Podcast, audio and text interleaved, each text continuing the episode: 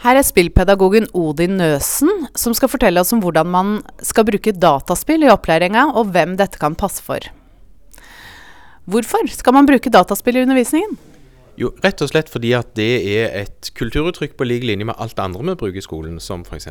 film, bilder, musikk, litteratur forskjellig. Så, så, det er egentlig som vel for så vidt nettopp uh, Trine Skei Grande sa i kulturmeldinga i forhold til dette med dataspill, at det er jo et kulturuttrykk på lik linje med andre, så derfor bør det inn i skolen òg.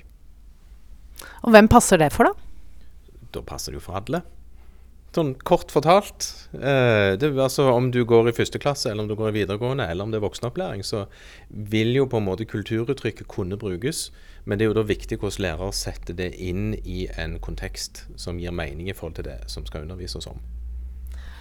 Og Hva lærer man av det her? Kan du nevne tre generelle kompetanser som man utvikler ved å spille?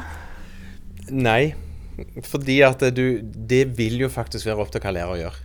Sånn at eh, hvis vi har et spill som handler om f.eks. et spill som heter Gone Home, der du skal rett og slett prøve å oppdage hva har skjedd med de som bodde i det huset der du bor, når du kom hjem og ingen er der. Og, og, det bruker vi som et eksempel på egentlig litterær analyse. Det å gå inn i en tekst og lese mellom linjene, selv om det ikke er et det er ikke en bok de leser, men det er et spill de spiller. Men mye av den samme jobben med å finne ut hva er det som har skjedd her, hva fortellinger er det som foregår. Hvem er hovedpersonen, hvem er bipersoner, hva skjer med de og sånne ting.